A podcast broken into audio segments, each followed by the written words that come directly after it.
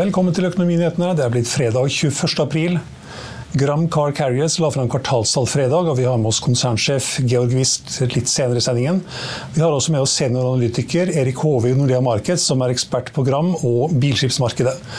Men aller først litt om det som skjer i markedet. Oljeprisen er ned 0,6% nå, til 80 dollar og 33 cent. Og det er ikke mange dagene siden vi så 85 dollar, Trygve? Nei, men altså prisen tenderer ned. Og hadde det ikke vært fordi at uh, OPEC da sa at de skulle begrense produksjonen, så hadde den falt mye mer. Så det er nå en ikke sterk eh, tro på, da, men i hvert fall en liten tro på det at det blir en resesjon i USA. At han ikke er så god som man trodde de var.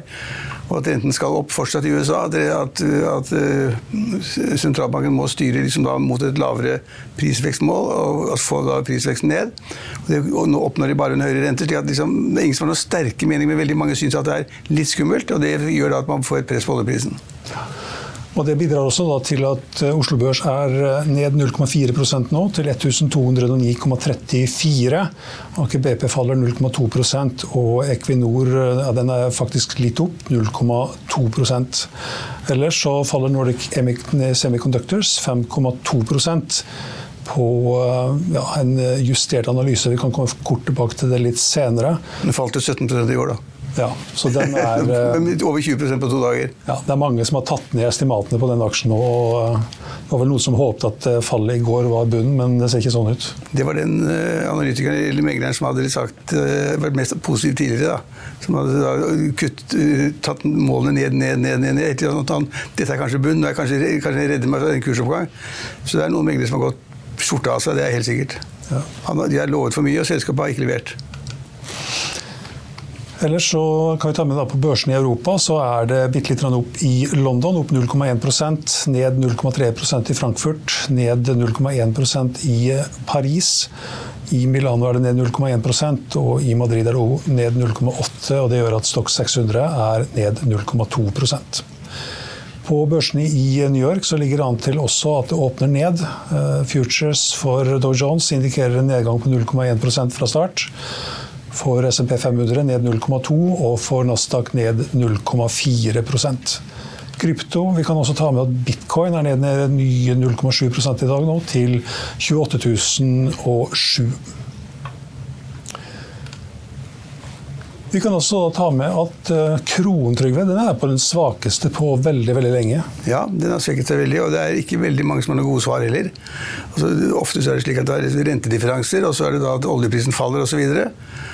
Og nå er man kanskje redd for at skal, rentedifferansen skal da bli for stor. Eh, jeg vet ikke. Og, eh, og øh, oljeprisen den vet vi den siger som vi sa i sted, litt nedover, så det er iallfall et negativt trekk. Men jeg, det kan tenkes at mange ser en viss uro i markedet fremover. At i den norske kronen er et bitte lite marked, bitte liten del av verdensmarkedet. At man da liksom kvitter seg med kronen. Og vi sitter med andre valutaer. Men det er jo én ting som er veldig positivt med den svake kronen. for Stein Eksporten? Eksporten selvfølgelig, det lærer vi på første semester. Men oljefondet, oljefondet, altså den, oljefondet noteres i kroner, og det betyr at verdien er nå passert 14 600 milliarder kroner eller sånn nå. Fordi at verdien blir større for hver dag. Så selv om forvaltningen ikke er perfekt, ikke veldig god Nicolai Tangen hadde levert ikke så gode tall i siste kvartal. Så tar han det igjen da på en svakere kronekurs, som gjør at verdien av fondet øker hele tiden. Mm. Nei, god og god. Man kan si at 5,9% avkastning kanskje ikke er all verden, men det er ganske bra, da. Ja, det var 7, på aksjer. 7 på aksjer, sånn, og så var det 2% på rentepapirer. Men ja, ålreit, men det var altså litt lavere enn markedet sier om. Mm. Og redningen kom da i det, i det, at fondet noteres i kroner. og Det er den viktigste tingen. Og en annen ting, at det kommer så mye penger fra olje og gass at staten overfører direkte til oljefondet med en gang. Så de får direkte tilførsler, og så prises de til norske kroner. Alt gjør det veldig bra for fondet. Nå er det et vanvittig svært fond. Vi fikk tilført 217 milliarder i første kvartal og over 1000 milliarder i fjor. Ja, og det, og det, er mange politikere som snakker om at vi må være forsiktige. Alt kan skje i aksjemarkedet, og kursene går opp og ned. Ja, de går opp og ned osv., men fondet er nå så stort at vi tåler et tilbakeslag på 10-20% i det fondet uten at det gjør noen ting. Ja, all time high. All time high. Ja. Ja, Vi kan også ta med da, at flere analytikere nedjusterer kursmålet på Nordic Semiconductor, som vi var inne på. Og aksjen faller da videre etter gårsdagens smell på 17% XXL er ned 78% det siste året og 46% så langt i år. og Det ser ikke så bra ut i dag heller, Trygve? Nei, altså i dag er jo da det en av taperne. XXL er ned 11% jeg så på det sist. Og kursen er rundt to kroner. Og det er på en måte, hvis, øh, Jeg løper ikke rundt med noen som sier til meg liksom at du må gå inn i en sånn XXL-forretning, særlig på Majorstua. Den er kjempesvær, det er ingen kunder, masse varer. Så XXL er ille ute. altså de har Sannsynligvis, jeg har ikke gått og tatt opp selv, men de har enorme lager av klær og ski og votter og bandykøller og hva det måtte være. Enorme lager som de ikke blir kvitt. og det, Hvis de skal bli kvitt dem, så må de sette prisene kraftig ned. Og så har de veldig rike eiere som har tilført penger hele tiden, men de er ute og kjører, og hvordan de skal komme ut av den knipen. At de har dårlig drift, dårlige kostnader. alt altfor store lagre, og at de nå må måte re, altså, bygge opp eh, butikkene med nye varer. Det må de gjøre ganske snart. De skal ha liksom sommervarer og vårvarer osv. De har alle ting mot seg, og de leverer ikke, og tapene er enorme. Og de pengene eierne eh, må tilføre også veldig store beløp. Og Da faller aksjen opp 11% i dag. Det er, på en måte, det er ikke sånn knockout, men de sier liksom at markedet tror ikke på selskapet i det hele tatt. Nei, og vi kan også ta med at Nordea Markets har gjenopptatt dekningen på aksjen og anbefaler da salg med kursmål 1 kroner og 80 øre. Og Samtidig har Pareto halvert kursmålet fra 3 kroner til 1 krone og 50 øre, og gjentatt salgsanbefalingen. Da har vi med oss eh, første gjest, Erik Hove i eh, Nordea Markets, senioranalytiker. Gram Car Carriers la fram gode kvartalstall fredag, og aksjen er opp 4% Den var jo opp det til 169 kroner. Og, eh, takk for at du kunne være med oss, Erik. Absolutt, takk. Hyggelig å være her. Så ja, Selvfølgelig gode tall fra Gram. Nå var jo sånn ren finansielle tallene mer eller mindre gitt, fordi de har jo fiksa ut hele flåten sin de første kvartalene av året her. Så det, tallene var in line med forventning. Det som var veldig interessant for det kvartalet her, er jo at de nå har kommet med en eh, økning av utbyttepolicyen sin, og øker den fra 50% av eh, EPS til 75 allerede fra 2Q. Vi hadde også ligget inne med, med 75% men for, for, et kvartal senere. Så det er jo veldig gode nyheter. og det, så, det setter jo to streker under denne cash-genereringen og forventningene forventningen som man har eh, åpenbart til, det selskapet her. Så, så, det er veldig gode nyheter, og jeg tenker mye av reaksjonen på, på, på aksjen i dag er jo på, på grunn av det. Eh, og så er det jo selvfølgelig da overordna for hele car carrier spacet veldig gode rater nå. Du er på all time highs, du har holdt seg der på over fire måneder nå. Etterspørselen for bilfraktskip har vært stigende de siste ti, ti, månedene, og det ser ikke ut til at det skal endre seg inn, inn at det skal være noe endring i det i hele 2023. Så jeg tror jo at det er fortsatt mye mer som skal kunne prises inn på, på tvers av alt, alle tre, og spesielt også i, i, i Gram. Vi ligger jo inne med 235 target eh, på den for å reflektere hva de har i inntjening på kontraktene sine og, og skipene. Så syns det er super kommunikasjon som de har kommet med der, og, og du, er du, veldig optimistisk til det der. Men du er ikke litt sånn Herbjørn Hansson over det, og begynner å love mer og mer utbytte? Når det går litt bra, så lover man mer og mer utbytte. og Det er jo sånn litt, litt, litt, litt Jon Fredriksen og litt Herbjørn Hansson.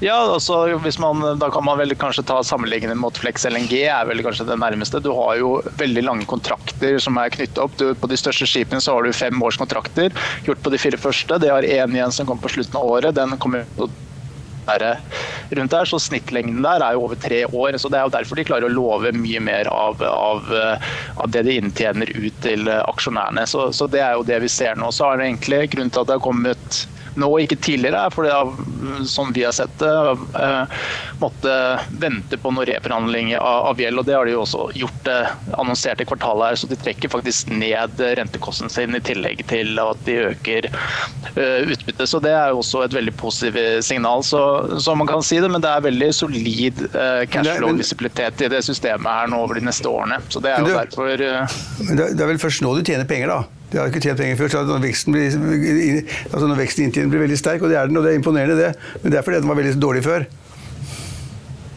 ikke vært på børs eh, veldig lenge, litt over, litt over et år. og åpenbart før, de kom på børs, så var det jo eh, et litt annet car carrier-marked, og at det var litt vanskeligere å tjene penger på den tiden der. Men de siste et og et halvt årene har det jo vært en veldig god butikk å være i, i det spacet her. Så, og, og Gram har jo, og sammen med de andre har jo vært veldig godt posisjonert inni der. og nå og åpenbart klart å lokke ut veldig stor del av flåtekapasiteten sin på høye rater i lang tid. Så, så, det er jo egentlig en refleksjon av det. og Sånn jeg ser det, så må egentlig markedet komme etter for å prøve å reflektere det underliggende cashflow-genereringen i de her uh, selskapene. Da. Så du, jeg mener jo at det er Bare siste spørsmål fra meg. Jeg la merke til, det kom jo meldingen i går om at en kjent investor hadde kjøpt seg inn i bil, bilfraktbransjen. og Alle tenkte på gram, men det var jo da Spetalen som kjøpte seg inn i, i Høk. Ja, hvor, hvor, hvor, hvor, bør man være? Hvem er best? Er det gutta i Gram eller er det Spitalen? Det er, nå kommer jo det også. De rapporterer jo tall om, om, to uker, men likevel kom det jo en pressemelding på at de hadde gjort en femårskontrakt med en veldig stor bilfabrikant i Asia, eh, å, som da trengte åpenbart å sikre kapasitet. og Det er implisert at det også er på veldig gode rater og øker Eh, også ørningsvisibiliteten til eh, Outliners. Så, så, det også veldig gode nyheter eh, for den. Nå, så Veldig positiv den storyen der. De har jo også litt spot-eksponering, hvis man skulle sammenligne det med f.eks. Valenius Wilhelmsen, som gjør at de har klart å, å ta ut mer av oppsiden i det markedet her. Og samtidig nå, hvis de gjør de tingene at de får lengre kontraktsdekning, så er jo det også en story som er veldig, veldig interessant. Det eneste som jeg vil si i forhold til da, Høg og, eh, og, og, Gram, så er det jo en litt annen Nå er jo Høg Outliners på en måte en kunde av, av, av Gram, og hovedtesen i markedet her er at det er altfor lite båt til å skippe økende eh, bilproduksjon. Så det er jo på en måte, kan man si, mer visibilitet i Gram sånn som det, sånn som det er nå. Eh, men fortsatt også ekstremt eh, Jeg tror hele markedet kommer til å være veldig godt hele året. Så det, det Ja takk, begge deler er jo det. Men det hadde vært morsommere om Spetalen hadde kjøpt Gram? Så ja, eh, morsommere og morsommere. Jeg synes begge to, Det er bra at begge to har jo fått veldig god, mye bedre likviditet, de to aksjene der. Så det er jo to, to, gode alternativer for å få eksponering. Du får eksponering til litt forskjellig del av, av verdikjeden der. Så det er jo spørsmål hva man, hva man tenker på. Er det at man ser at bilsalget i verden er økende? Nå ser vi at takten går jo opp. Det er bare måned over måned på mars så er den opp til run rate på 84 millioner biler fra 81 i februar. Mye av det er jo også at Kina kommer på plass igjen og eksporterer mye bil. Og vi er fortsatt godt under pre-pandeminivå på bilproduksjon i verden, som er over 90 millioner biler. Så det skal jo fortsette å øke over de neste årene. Så det er jo, ligger veldig godt til grunn her for at du skal fortsette ha mye eh, trade, da, eller mye, mye, mye, flyt av biler som skal gå fra, spesielt fra østen til vesten. Så alt det stimulerer markedet. Men eh, Erik, hva skjer når ratene er rekordhøye og alle skal ha bilskip? Hva skjer da? Da går jo eh, åpenbart ratene, ratene ganske stabile her nå, men det er jo Hva med kontraheringer, da? Kontraheringene har jo økt veldig mye. Så nå har vi jo da over snittet ordrebøker i, i bilfrakt. Det er jo nå på 26-27% Mye av de leveringene er jo tilta mot da slutten av neste år, andre halvdel i 2024 og, og 2025. Så det er jo på et tidspunkt så kommer det mye bil, eh, bilskip inn i markedet, og det vil nok være med på å senke, senke det ratebildet vi ser nå. Det, det, er det ikke noen tvil om, men at eh, sånn som eh, markedet priser de aksjene nå, så ser det ut som de tror piken er den det første kvartalet eller andre kvartal istedenfor eh, en gang i 2024. Som er da mitt bet. Mm, så 235 kroner er ditt kjøpsmål? Eller kursmål? Ja, 235 kroner er jo det som reflekterer Naven i dag. Naven er 210 kroner ca. Hvis du legger på cashflowen de genererer i 2023, og tar depreciation eh, eller nedskrivning på, på flåten for ett år, så ender du på ca. 235, som er det vi mener er en fundamental prising som skal ligge til grunn på den. Hvis du ser på det på yield, så er det jo så yielder den her nå med den nye dividendpolicyen sin 23% sånn som vi ser det i 2024. Så det er jo definitivt eh, attraktive eh, tall man ser her nå. Det virker for meg veldig billig. Tusen takk for at du var med oss, Erik. Vil du bli oppdatert på det viktigste som har skjedd innen finans og næringsliv? Da er det bare å følge med, for hver morgen er jeg, Marius Lorentzen og aksjekommentator Karl Johan Malnes på plass i studio for å ta tempen på dagens marked i Børsmorgen. Og hver ettermiddag oppsummerer vi alt du trenger å vite i økonominyhetene, og det blir selvfølgelig masse interessante gjester. Klikk deg inn på fa.no-tv, eller søk opp Børsmorgen og Økonominyhetene der du hører på podkast.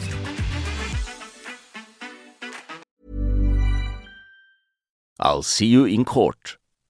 Vi sier det ofte litt på spøk, men for deg som driver business, er det aldri moro å innse at du ikke har laget en 100% gyldig kontrakt. Du bør ikke risikere hele firmaet ditt fordi du synes dette med kontrakter er litt stress. En avtale er ikke en avtale. Du kan miste kunder, miste venner, ja, til og med miste inntekter om du ikke lager en skikkelig kontrakt, på alt mulig, egentlig. Men vi vet det er et styr, kopimaskiner, tregprinter og haugevis av papir. Dessuten stoler vi jo på folk her i landet.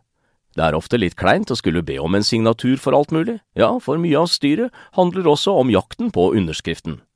Det finnes en enkel måte å løse dette på, Dukkobit, en trygg, effektiv og get this, gratis måte å sikre seg en god natts søvn pluss en juridisk bindende avtale.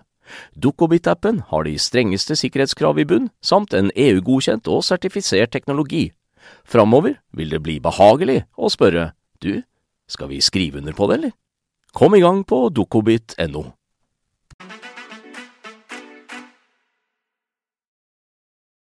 Ja, Da har vi med oss konsernsjefen i Gram Car Carriers, Georg Wist. Velkommen. Tusen takk. Eh, dere la fram gode tall i dag, og nesten dobling på topplinja og en mangedobling på bunnlinja. Du, eh, hvor fornøyd er du med første kvartal? Nei, altså Første kvartal var, var som, eh, som, forventet. Vi har jo veldig stabil, sikker inntjening, og kostnadene var sånn basically in line. Vi hadde en utfordring med et skip som måtte dokke litt. Det var den eneste lille overraskelsen markedet fikk. Men det viktige tingen i dag var jo basically pga. den lange kontraktsbackloggen vi har på, på nesten 900 millioner dollar så har vi et veldig stabil business over lang tid, og har derfor valgt å øke utbyttegraden til 75% så det var det som var den store nyheten i dag. Mm. Men den lange backloggen som du er inne på, nesten 900 millioner dollar, og kanskje 900 millioner dollar nå, det er as we speak. Eh, da har dere inntekter i ja, fire-fem år fremover. Ja. Sikra inntekter. På hvilket nivå da? Ja, Det er jo, som vi har rapportert i markedet, det er jo på de store skipene på mellom 60 og 65 000 dollar dagen. Og det, Jeg vet ikke om, jeg kikket på det når vi var sammen sist, Trygve. Da drømte vi litt om disse 50 000-60 000 dollar dagene. Vi tenkte at det var too good to be true, men det, det er der vi har endt, faktisk. Så det har blitt veldig bra og bedre enn det vi kanskje turte å håpe på, men, men eh, det, det har blitt veldig, veldig bra. Sånn Historisk sett, hvis du ser på eh, årene vi har bak oss, hvordan er det her kvartalet da, hvis vi ser på uh, dagsrater f.eks.?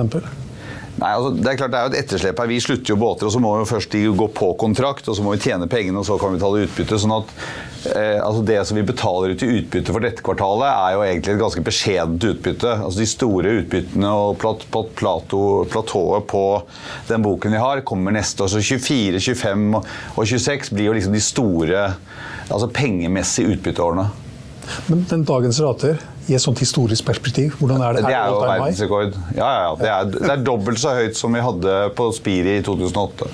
Mm. Og, og, det kommer til å, ja, Nå har jo dere bundet veldig mye, men hvordan ja. er da dekningen på de årene som kommer nå? Er dere utsolgt, eller? Ja, altså I år er vi jo basically utsolgt. Vi har 3% av dagene åpne, så det er basically utsolgt. Og, og et par og 20 neste år. Så vi, vi, og det er på små båter som tjener noe mindre. sånn at altså, vi har lagt en ordentlig solid uh, såle i bånn. Og det er det vi ser nå at uh, det, er, det, er, derfor vi egentlig har økt utbyttene fra 70 til 75 Egentlig Hvis vi går tilbake og ser når vi besluttet oss for å gå 50 da hadde vi bare 170 millioner i, i, backlog. Nå har vi 900 nesten. Så egentlig er det, det er egentlig lavere risiko av 75 i dag enn det var 50% da vi startet. Men, men, men, men nå, nå, kan dere jo surfe, surfe et par år eller sånn, nå ser det ut som, ja. med, det, med det, lageret, ja, lager du har. Men er det ikke da man skal selge, da? Altså liksom... Hva er vitsen å være i business hvis du, bare, hvis du kan sitte sånn og Betale utbytte? betale utbytte og lese aviser? Eller, Nei, ja, jeg er ikke kjent for det å sitte stille, så vi skal nok alltid finne på noe. Vi har, se, vi har også sett etter transaksjoner, men vi har vært veldig tydelige på at vi skal kun gjøre transaksjoner hvis det er innvandrende for aksjonærene, eller i hvert fall nøytralt. Og der har vi ikke klart å bli enige med motparter om priser, så da lar vi det ligge. Hvis det er noe vi var inne på det i sted, altså det er jo, når, når, det går så bra, da, og bedre enn forventet, og, og dere begynner å dele såpass mye utbytte, så vil jo alle tenke at liksom, da må alle bygge nye skip. Og så er det, er det liksom en andel av flåten som da er nå kontrahert, er over 20 eller sånn nå. Og, vi snakket om det forrige gang vi møttes. Jeg trodde kanskje at sånne bilskip er verdens enkleste. Det er sånn, sånn, ja. Litt sånn sildeboks. Du bare sveiser den i begge ender og så setter den sammen. Ja. Så har du en motor på toppen. liksom. Det, er, det må jo være veldig enkelt å bygge de skivene. Nei, ja, det Verdens enkleste jobb. Nei, vi snakket om det sist gang, det er det ikke. Men, men ordreboken, hvis vi bare tar den, da altså- Hvorfor er det ikke enkelt hvis det er så, de kommer inn i den ene enden og går ut i den andre enden? og så er det... Nei, det er, altså, poenget er at uh, dette er så- som, som cruiseskip, som vi snakket om sist, dette er tynnplateproduksjon. Det er ikke megablokker, så det er kun et på, få verft i verden som, som kan og vil gjøre det. Ca. 20% av verftene som, som kan gjøre det. Uh, og det tar veldig mye plass i verftene, så det du ser er at de som bygger bilskip og roroskip, de driver med det. For det passer dårlig å blande det med andre ting. Så hvis du tar den ordreboken som ligger der nå, på, det er 103 skip som skal leveres eh, i slutten av 24 og ut 25. Hvis du tar de 103 skipene, hvordan liksom kan markedet absorbere de? Jo, da har vi basically nå er det en 20-25 skip i underbalanse, så det, så det, er, så det trengs i hvert fall det for det. Så kommer, de- er det kommet disse nye reguleringene med, med CII og disse eh, utslippsreglene. Hvis verdensflåten går ned én knop, og, og det kommer den i hvert fall til å gjøre, så representerer det 25 skip. Så da har du tatt halve ordreboken på de to tingene. det er nesten som en tankreder, dette her. Nei, men tankrederne vet du, er spot. Hvis, hvis, skulle, hvis, man ikke hadde den kula foran eller den kula bak, eller hvis ikke så var det sånn eller sånn, eller så var det, ja, det, var, det skulle i hvert fall bli veldig vanskelig da å få nye skip. Men det kommer jo masse nye skip uansett. Det kommer nye skip, men, det, men, men den ordreboken som er der, er ikke veldig jeg, ikke veldig jeg får ikke mye sovnløse netter av den. Den absorberes av at vi skal tilbake. eh, vi hadde kun 80 millioner eh, salg av biler i fjor. Vi ligger an til å komme på 86 i år. Og, så, og først året etter er det antatt at man er på 90, som er samme som pre-covid. Og hvis du skal opp 10 millioner biler, så er det 55 skip, det. Bare det. Men i Norge har jo bilsalget ramla helt ned. Men Norge betyr ingenting. Nei, nei Så det, det blir, det, altså er, og det er jo viktig. Jeg var i Kina rett før um, eh, Rett før påske, og Det er ganske viktig å komme seg ut av Norge for å forstå verden. Det, for, for Her er, det, er vi på sånn evig hype, og er jo et testmarked for alle, alle elektriske biler. Så vi kan ikke lese verdenshandelen ut av Norge. Det, det går ikke. Hvem som er motparten på disse her eh, ja, faste kontraktene på den ordre? Ja, nei, vi, altså, vi har en veldig diversifisert portefølje. Vi har jo vært i dette markedet i 40 år, så vi, er, liksom, vi har gode relasjoner med alle sammen. Så det er tre store rederier i Japan. Eh, NYK, MOL og K-Line, som har kontrakter hjemme med Toyota og Nissan. Alle de er kunder hos oss. Vi har Glovis og Ucor i Korea, og Ucor er en del av Valenius Wilhelms-systemet. Eh, vi har kunder i Europa, Syd-Europa. Så vi, vi, alle som opererer i Bilfrakt er egentlig våre kunder, og vi har PT i vår portefølje en 12-13 forskjellige motparter på de 19 skipene vi har. Så det er, det er faktisk veldig diversifisert. Hvor mange skip har dere? 19. 19. Men, men som vi var inne på her, eh, du sa det var 100 skip i ordre nå. Ja. Og så når vi kommer på slutten av året, så er det kanskje 150. Jo, men de kommer i 26 og 27 og 28. Nå- Liksom, altså det er vanskelig å spå om fremtiden, men i hvert fall hvis vi ser de neste to-tre årene. da. Så ut 25. Du får ikke inn flere skip før Da gjelder det å hoppe av før eh, 26 og 27, da. Nei, altså, det er, det, det, altså selskapet vårt da, det, Vi har jo da denne kontraktsgreia og kjører den ned. Og og basically når vår, de kontraktene som ligger der i dag går av, så har vi ingen gjeld. Og da kan vi fortsette å betale utbytte, selv om ratene kommer ned. Ratene kommer jo ned. Ja, selvfølgelig gjør de det, men da har vi heller ingen gjeld og en helt annen kapitalbase som kan fortsette å betale utbytte. Men, men er disse ratene faste, eller fluktuerer de litt med Nei, markedet? helt, eh, ja, altså de er faste. eh, Det er de. Og så har vi noen hvor vi har avtalt med kundene våre hvor vi, de betaler litt mer de første årene og så litt mindre over tid. Sånn at det er snittratene vi rapporterer. Det er, eh, ja, da tar du ned risikoen også på motparten din. ikke sant? Å få penger tidlig har stor verdi, versus å få de jevnt over tid. Hvor mange skip har dere bestilt?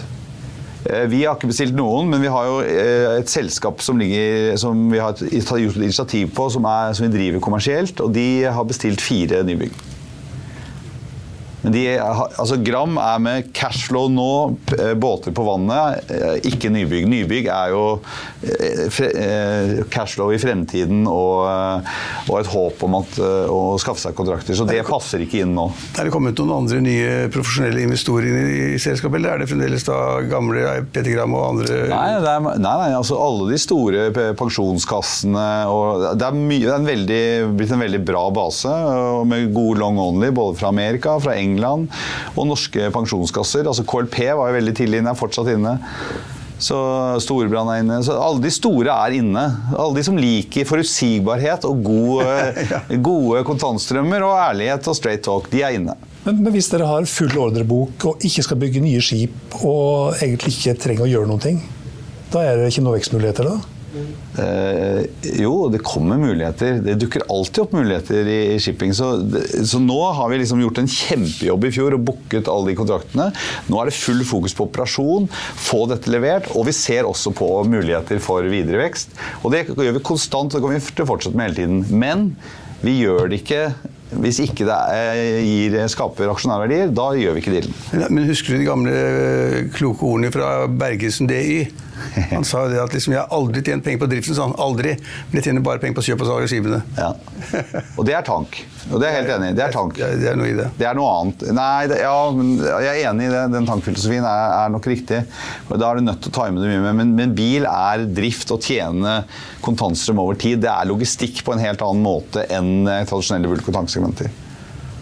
Nå var ikke Erik Hove inne på det, men jeg tror det PE på det her tror jeg er sånn rundt 4-5 eller noe sånt nå. Det høres ikke så ille ut, det. Og så har du en utbyttegild på 23 var det han sa? Ja. P-en er lav. Det er åpenbart lavt, men jeg, altså jeg, det, er et veldig spennende prosjekt. Det har kommet opp av liksom, nesten intet. Men jeg er mer bekymret for at liksom, du har, en, du har liksom en enorm lagerbeholdning som du, liksom, du vet hva du gjør i nærmeste to-tre årene. Tjener masse penger på det. Ikke mye, da. Ålreit. Tjener 100 millioner kvartalet eller sånt. Det er helt ålreit. Men jeg er mer bekymret over det at det kommer da masse nye skip i, i 26 og 27. Så man kan ikke sitte og vente på at de skipene kommer en gang. De, de, de, de kommer jo. De kommer, og da kommer nok markedet noe ned. og Da står vi der eh, fjellstøtt igjen og har betalt masse utbytte og har veldig lav gjeldsgrad og kan fortsette på den. Står sterkere enn de fleste. Hvor mye koster det å bygge et, eh, et Panamax-skip som da tar 7000 biler eller noe sånt? Kall det ferdig levert, sånn big numbers, 95-100 millioner. Og Den prisen er også opp 40% mot historiske verdier. så så, og folk er usikre litt på, på fremtidens uh, maskineri osv. Så, så, så folk er relativt forsiktige. Det en liten uh, altså det bestiller, De som har bestilt, er operatørene og bilskips, uh, de, altså bilprodusenter osv. som trenger dette logistikkgreiene. Jeg sa, jeg var i Kina.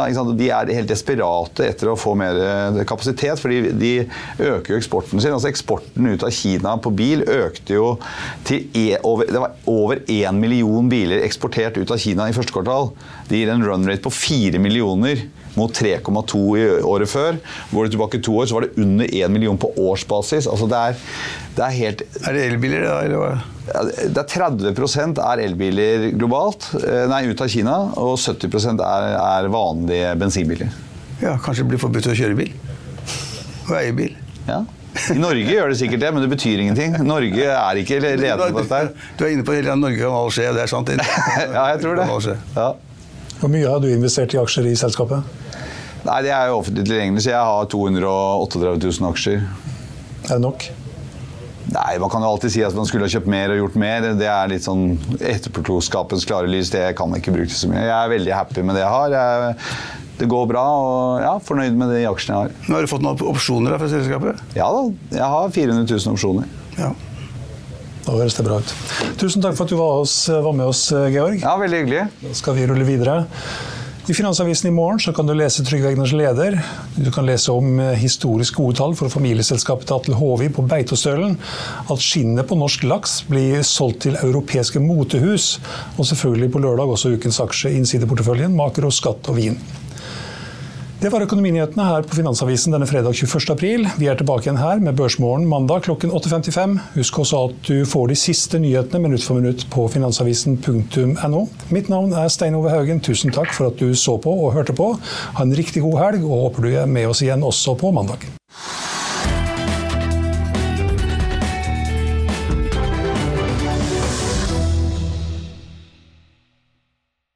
Økonominyhetene er en podkast fra Finansavisen. Programledere er Marius Lorentzen, Stein Ove Haugen og Benedikte Storm Bamvik. Produsenter er Lars Brenden Skram og Bashar Johar. Og ansvarlig redaktør er Trygve Hegnar.